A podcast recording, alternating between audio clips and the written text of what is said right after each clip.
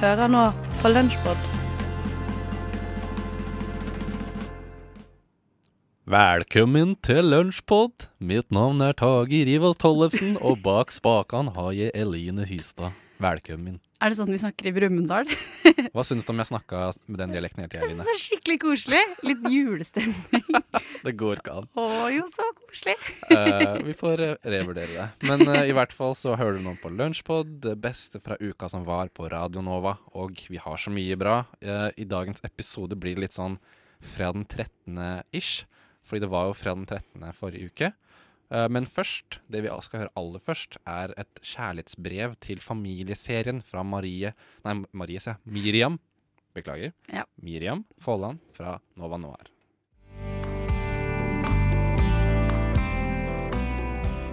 Jeg er her for å forsvare familieserien. Du vet serier som omhandler en familie over mange sesonger, på en måte som får det til å virke som om familier opererer i individuelle enheter, der medlemmene er nært knyttet sammen, sjelden borte fra hverandre, med minimalt innspill fra omverdenen. Sjangeren som får en altfor bad rap pga. serier som Seventh Heaven. Og dens moderne, men ikke like hjertevarmende motpart The Fosters. Are you trying to arrest our kids? Eller one-line-baserte komediesitcoms, helst med laugh tracks, slik som Grounded for Life. Full House. Capiche? Capiche. All right. Let's play. Eller resten av alle serier som ble skrevet ca. 90-tallet. Men det trenger ikke være sånn her. Familieserier kan være så mye mer, og de er så mye mer. Her kommer min liste over mine topp fem familiefilmer som skal overbevise deg om det samme. Hi, Valerie. I'm a 47 year old DILF looking for my MILF. DILF? Ugh. Next. Nummer fem på lista går til Casual. Hulu-serien er å finne på HBO Nordic og gir deg tre deilige sesonger med familiedrama. Serien handler om Alex, en datingapp-gründer som sliter med datinglivet. Søsteren hans Valerie, som nettopp har skilt seg og bor hos broren. Og datteren hennes Laura, som er en emosjonelt frakoblet tenåring som sliter med å finne ut av sex, venner, kjærlighet og forholdet til moren og onkelen. She clearly has different expectations. She should have said something. But no, instead, we sleep together and it automatically means something.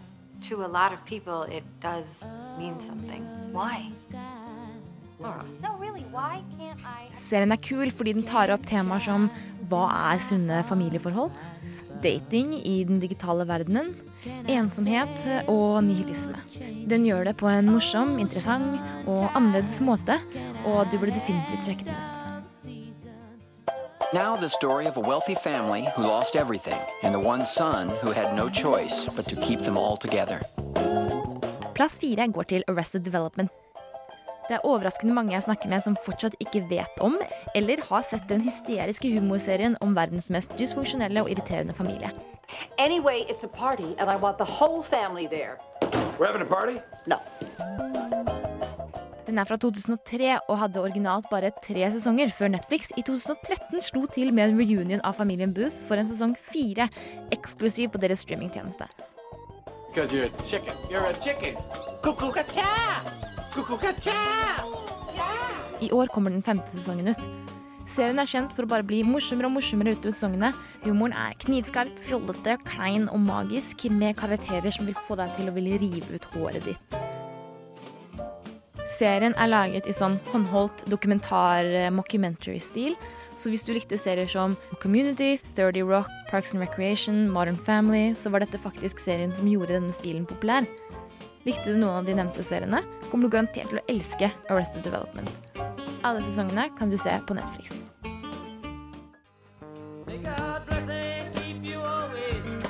Tredjeplassen går til den undervurderte og undersette og kanskje mest konvensjonelle av familieseriene på lista, nemlig Parenthood. Søsknene Sarah, Adam, Crosby og Julia, deres foreldre Zeke og Camille, deres partnere Christina, Joel, Jasmine og Hank samt barna Sydney, Max, Jabbar, Amber, Drew, Hattie, Victor og Nora er karakterspekteret vi har med å gjøre. Det er hektisk, distré og overveldende, men på en eller annen mirakuløs måte klarer vi å empatisere og engasjere oss for hver og en av de. Why does she hate me, Mom? Daughters hate their mothers. I think it's a law of nature. But you know what? Then they come back. En klassisk familieserie som klarer å gjøre det The Fosters ikke helt greier. Å fremstå ektefølt, realistisk og rett og slett bare bra. Gjennom kjærlighet, hjertesorg, graviditeter, ekteskap som skapes og løses opp, sykdom og karriereskiftninger, er dette en serie du kan relatere til. Det er en dramaserie som er til tider veldig dramatisk, men den klarer allikevel å holde beina på bakken. Serien ble ferdig i 2015, og du kan se alle seks sesongene på Viaplay.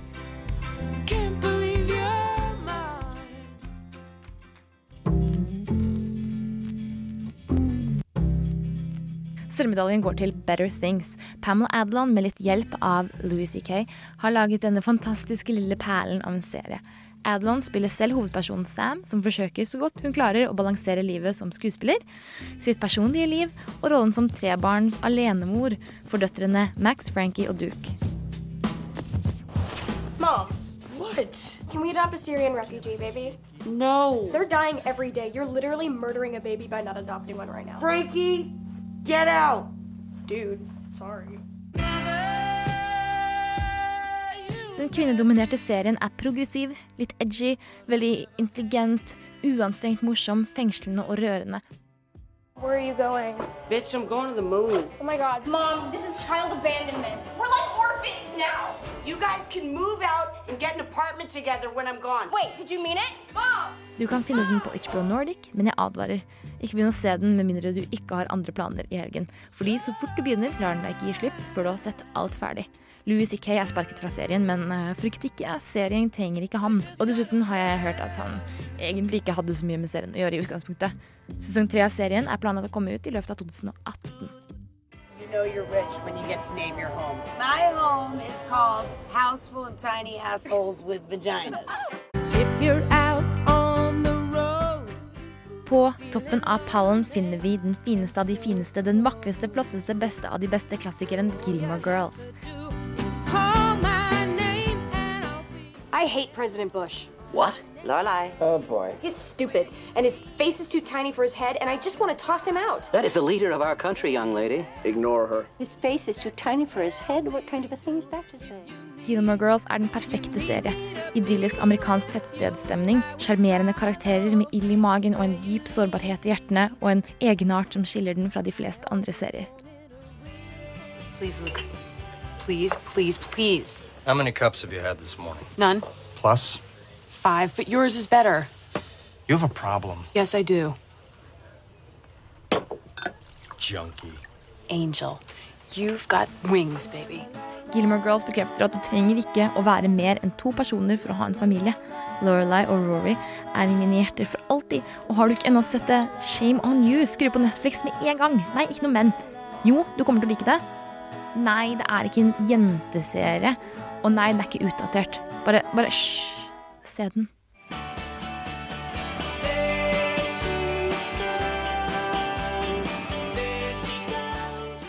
Der fikk du mange gode tips til ting å se innenfor familieseriesjangeren. Ja, jeg fikk lyst til å pakke sammen tingene mine og gå hjem og se på Gilmore Girls nå. Ja, for eksempel Gilmore Girls, eller en annen serie.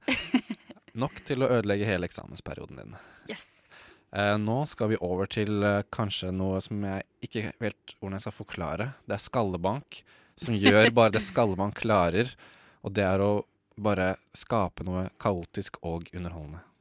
Vi har eh, kommet til siste tape.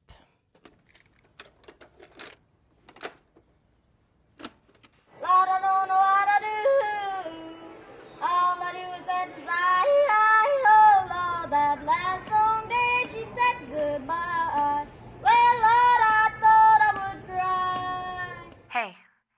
don't your you know, whatever device you're hearing this on. Should do me, should do you. Get a snack. Settle in. Because I'm about to tell you the story of my life. More specifically, why my life ended. And if you're listening to this tape, you're one of the reasons why. When you're done listening to all 13 sides, because There are 13 sides to every story. Rewind the tapes, put them back in the box, and pass them on to the next person. Mathilde, du vet veldig godt hva dette handler om. Uh, jeg vet mange ting, uh, men jeg vet ikke helt hvem Jodelkid var. Men jeg har jo skjønt at dette er noe jeg har gjort som har med 13 ting å gjøre. Um, jeg, jeg skjønner at det kan være plagende for noen at jeg har uh, 13 biologiske fedre og én mor fordi at mo, Fordi mora mi er en hore. Shame. Um, Men det er hun jo. ja. Hun er det. Uh, samtidig har jeg jo eh, 14 uh, Eller jeg hadde 14 gen, men jeg har mista, mista det horegenet fra mora mi nå, så da har jeg bare 13 Eller jeg har 13 gen, da. Takk og lov for det. Takk og lov for det, men 13, ass. Det føles ikke bra nå lenger. Er det ikke noe annet du Men- også vil legge til? Ja, OK. Det var som jeg sa til Jodelkid en gang vi hadde en samtale, eh, som jeg nå trodde at jeg hadde med en fremmed, men jeg skjønner jo nå at jeg hadde den med Jodelkid. Jeg sa hei. You know what, I have? I have 13 play, playing rats. Ikke gråt, But I can't, I can I'm not allowed to play with either of them. Og så, så sa Jodelkid, that's fucked up. Så jeg, yeah. You know what I, you know what, you know what I done did because of that? I, I went and, and, and I bought 14 cats. 14 cats! One of them is dead. So it's 13. No! And I'm gonna make those cats play with my playing rats. Because I can't play with my playing rats because I'm not allowed. Not allowed! And I'm just gonna let those cats deal with it. I'm gonna let them deal with the, the playing rats that I got, but I cannot play with. Them. And it haunts me. It haunts me what this, those cats done did with those playing rats. That's not what I wanted them to do. That's not what I wanted them to do. Yodel kid, I'm so sorry for telling you this. I know that it must have haunted your soul as Your it haunted mine. Matilda, Matilda, what do you say? What do you say now? Do you say sorry, or do you do you say sorry to me, or do you say sorry to the to the kid? I say, I say, I'm gonna, I'm gonna haunt, haunt my own ass when I'm dead, cause I hate myself and I'm sorry, Yodel kid. I'm sorry, Yodel Kid! Lord, forgive me!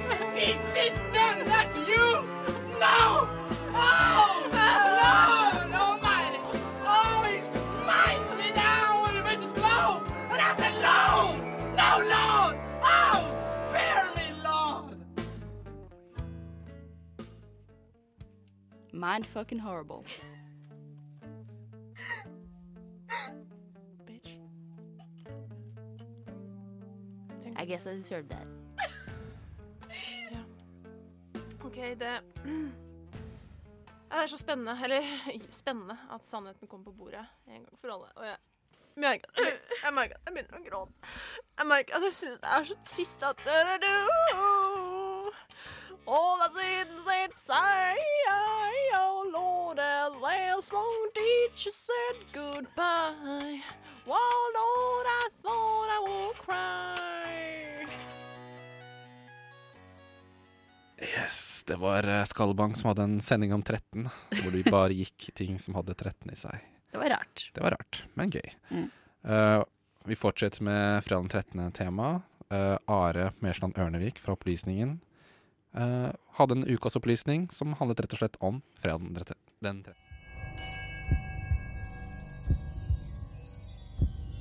Ukas opplysning.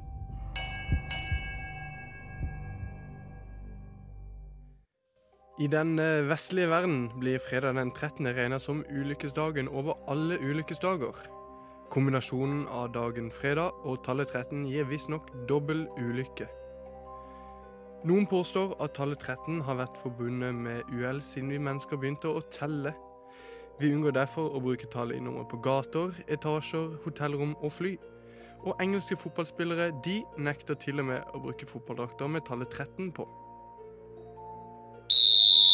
En av forklaringene på uviljen mot 13-tallet finner vi i Det nye testamentet.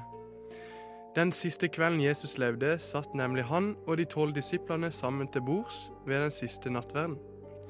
Der ble det avslått at Judas ville forråde Jesus, som dagen etterpå ble korsfestet.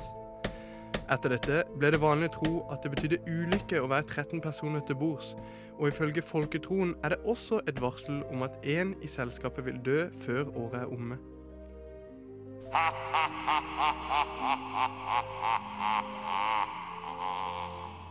I den eh, gamle sivilisasjonen eh, Babylonia eksisterte også tallet 13 som ulykkestall. Hos eh, babylonerne stammer begrepet ulykke og 13 seg fra tidsregninga og kalenderen. De delte året inn i tolv måneder, men eh, dette gikk jo ikke alltid opp, og eh, dermed ble det én måned ekstra. De tolka det som om universet rett og slett gikk av hengslene den eh, trette måneden, og tallet ble regnet som uhellsbringende. Frykten knytta til dagen fredag verserer det også ulike teorier om. I den kristne tro ble Jesus korfesta på en fredag, og det var også på en fredag at Eva fikk Adam til å spise det forbudte eplet fra kunnskapens tre. Hvilket i sin tur jo førte til at de første kristne menneskene ble kastet ut av paradis, og etterfølgerne deres, de var på kant med Gud. Men det knytter seg også en viktig historisk hendelse til fredag den 13. Fredag den 13. oktober eh, 1307 arresterte den franske kong Philip alle tempelridderne over hele landet. Kongens påskudd for arrestasjoner var rykter om at tempelridderne under deres opphold i Midtøsten hadde begynt å tilbe hedenske avguder.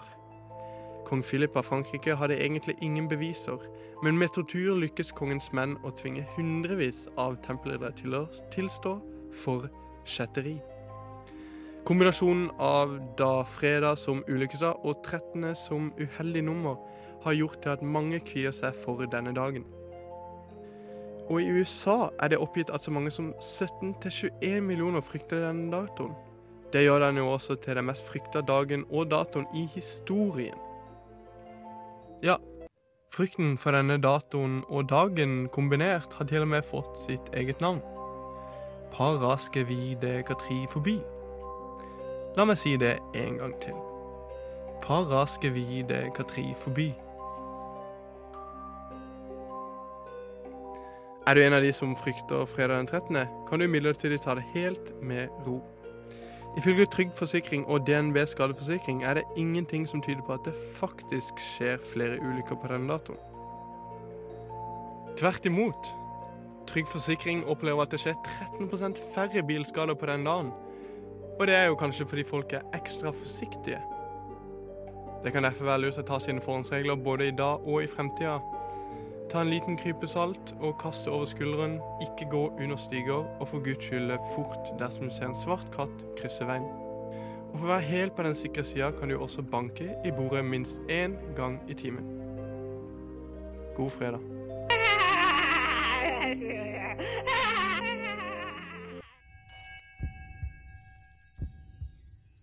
Var creepy og skummelt, men lærerikt fra opplysningen. Og nå er det Kapitalen, Klaus, som uh, tatt et lite dypdykk i FrPs historie og skal uh, rett og slett formidle hva egentlig det dreide seg om fra starten av i Frp.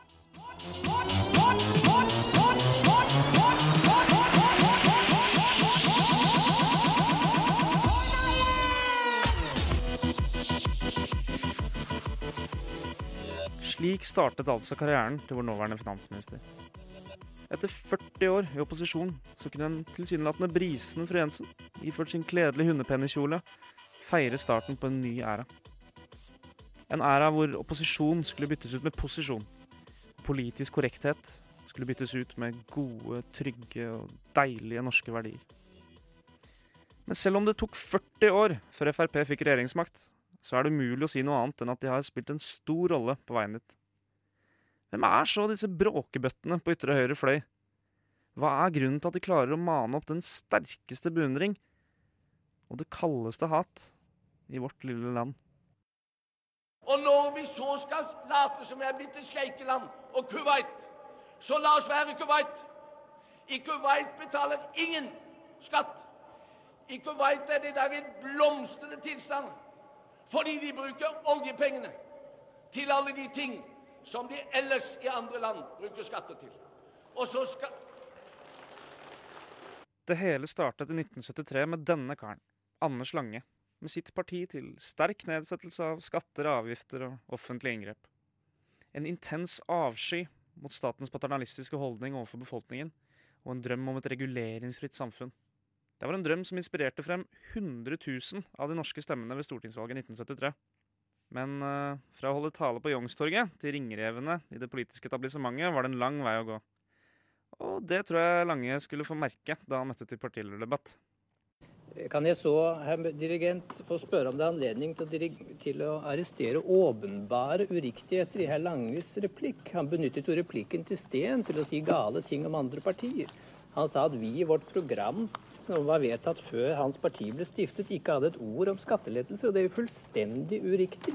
Jeg vil be herr Lange lese side 68 og side 69 i dette program, så vil de si at det er helt galt det de sier. De vil ikke lese det, det forstår jeg, for de vil ikke se hvor galt feil de har tatt. Anders Lange døde allerede i 1974, og det var da en ung Karl Ivar Hagen sto klar for å overta. Og tolv år og et navnebytte senere så var Fremskrittspartiet i 1986 klare for å vise sine parlamentariske muskler.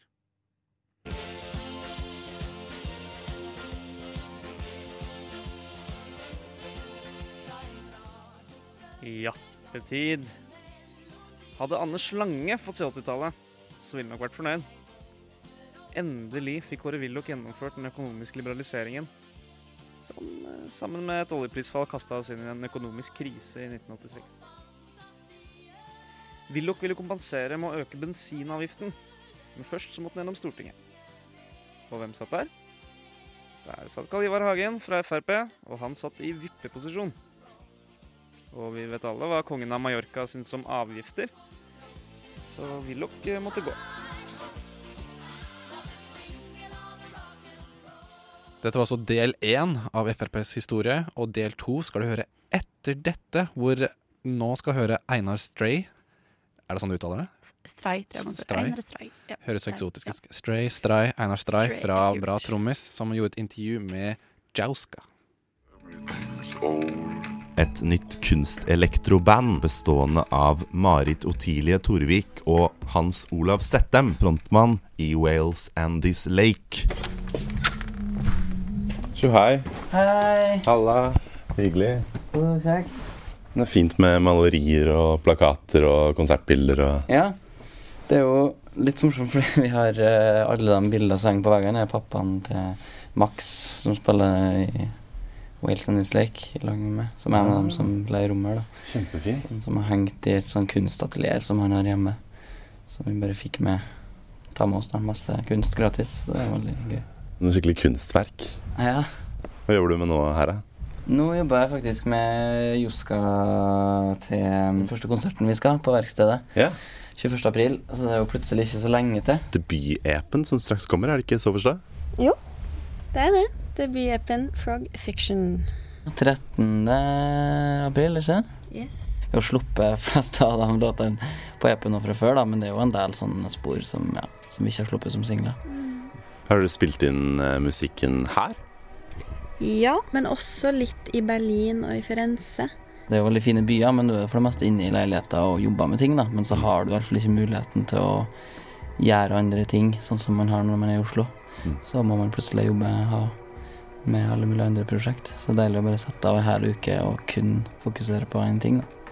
Så har vi tatt opp en del lyder fra steder vi har vært på, da, som vi bruker til å lage instrument og sånn etterpå i Ableton. Og litt sånn bakgrunnsstøy og litt sånn stemningslyder og sånne, da. Mm. Som vi ofte tar opp her med å liksom ja, sette en mikrofon utafor vinduet der vi er og sånn.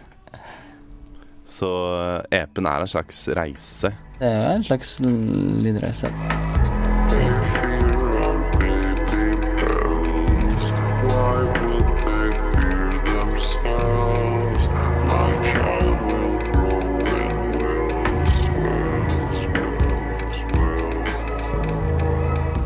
Inspirert av Grimes, Coco Rosie, Mats Gilbert og Harriet Tubman, kokkelerer paret Jushka fram klaustrofobiske og catchy beats og lyder. Hvor er det dere er fra? Jeg er fra en eh, eh, rar liten plass som heter Surnadal. Ikke så rar, da. En ganske vanlig liten plass som heter Surnadal, som ligger på Nordmøre. Ja, jeg er fra Molde. Når og hvorfor starta dere dette bandet? Det var jo egentlig ganske tilfeldig. Vi, vi gikk jo studiet i lag, og det var sånn vi møttes. Og så begynte vi bare å eksperimentere litt i studio i lag. Vi hadde på en måte eh, begge to først da begynt å lage litt og produsere ting, da. Så det var vel egentlig mer liksom prøving, og så blei det eh, veldig gøy å holde på med. Føles eh, litt sånn mark i rumpa på å prøve ut eh, Vi har jo begge to drevet med musikk, liksom, på mange forskjellige måter, men aldri produsert og ting, da, med å leke med lyder, liksom, og lage egne lyder og sånn. Så vi syns det var veldig gøy. Så det bærer musikken veldig mye preg av. Skriver dere tekster og sånn sammen, eller er det sånn at dere har på en måte Hvordan skriver dere egentlig det prosjektet her? Som regel så, så produserer vi en del først, og så må vi på en måte komme opp med vokal og tekst etter hvert. Det, det er aldri på en måte det vi kommer med først. Men det er, vel, det er jo den ting som er gøy da med prosjektet i forhold til Vi spiller jo også med liksom prosjekt som er mye mer eh, vokaldrevet. Altså eh, at det liksom vokalen og kanskje teksten og historien man forteller som seg til, da. Mens her så er det naturlig at det blir lagt på til slutt etter man har lagd en veldig tydelig stemning med lydbildet, bare. Mm. Vi blir veldig inspirert av ting som eh, frustrerer oss, egentlig. Eh, det er jo veldig mye politisk i låtene. Så det har vært mye av det. Kanskje først og fremst at vi ting vi bare Ja, som irriterer oss, eller som vi føler veldig sterkt om. Og nå til slutt andre del av Klaus sin eh, historie om Frp. I perioden mellom Willochs avgang i 86 og Ernas overtakelse i 2013 så ble Frp i stor grad holdt utenfor det parlamentariske samarbeidet. På den andre siden så var dette selve gullalderen for det vi alle elsker dette partiet for. Skandaler. Tidligere rallycrosskjører og nå Frp-politiker Martin Skanke debuterte i dag som skoledebattant på Åssiden videregående skole. Nå var du veldig smart. Sant? Sant? Nå var du virkelig Hadde du gått på denne skolen, hadde du sikkert fått seksen blank. Han er feig. Han er feig. Bare feig. Ja, jeg syns du er feig. Men i helvete! Hvor feig er jeg? Hva er dette her for? Det var et slag. Helt rolig. Helt rolig. Du kaller meg for feig. I februar i år ble Birkedal funnet skyldig i uanstendig atferd. Han innrømmet å ha smugfilmet gutter på badet, og har brukt en falsk nettprofil til å chatte. La de små barn komme til meg, sa Jesus. Jeg kan ikke skjønne at Mohammed kan ha sagt det samme.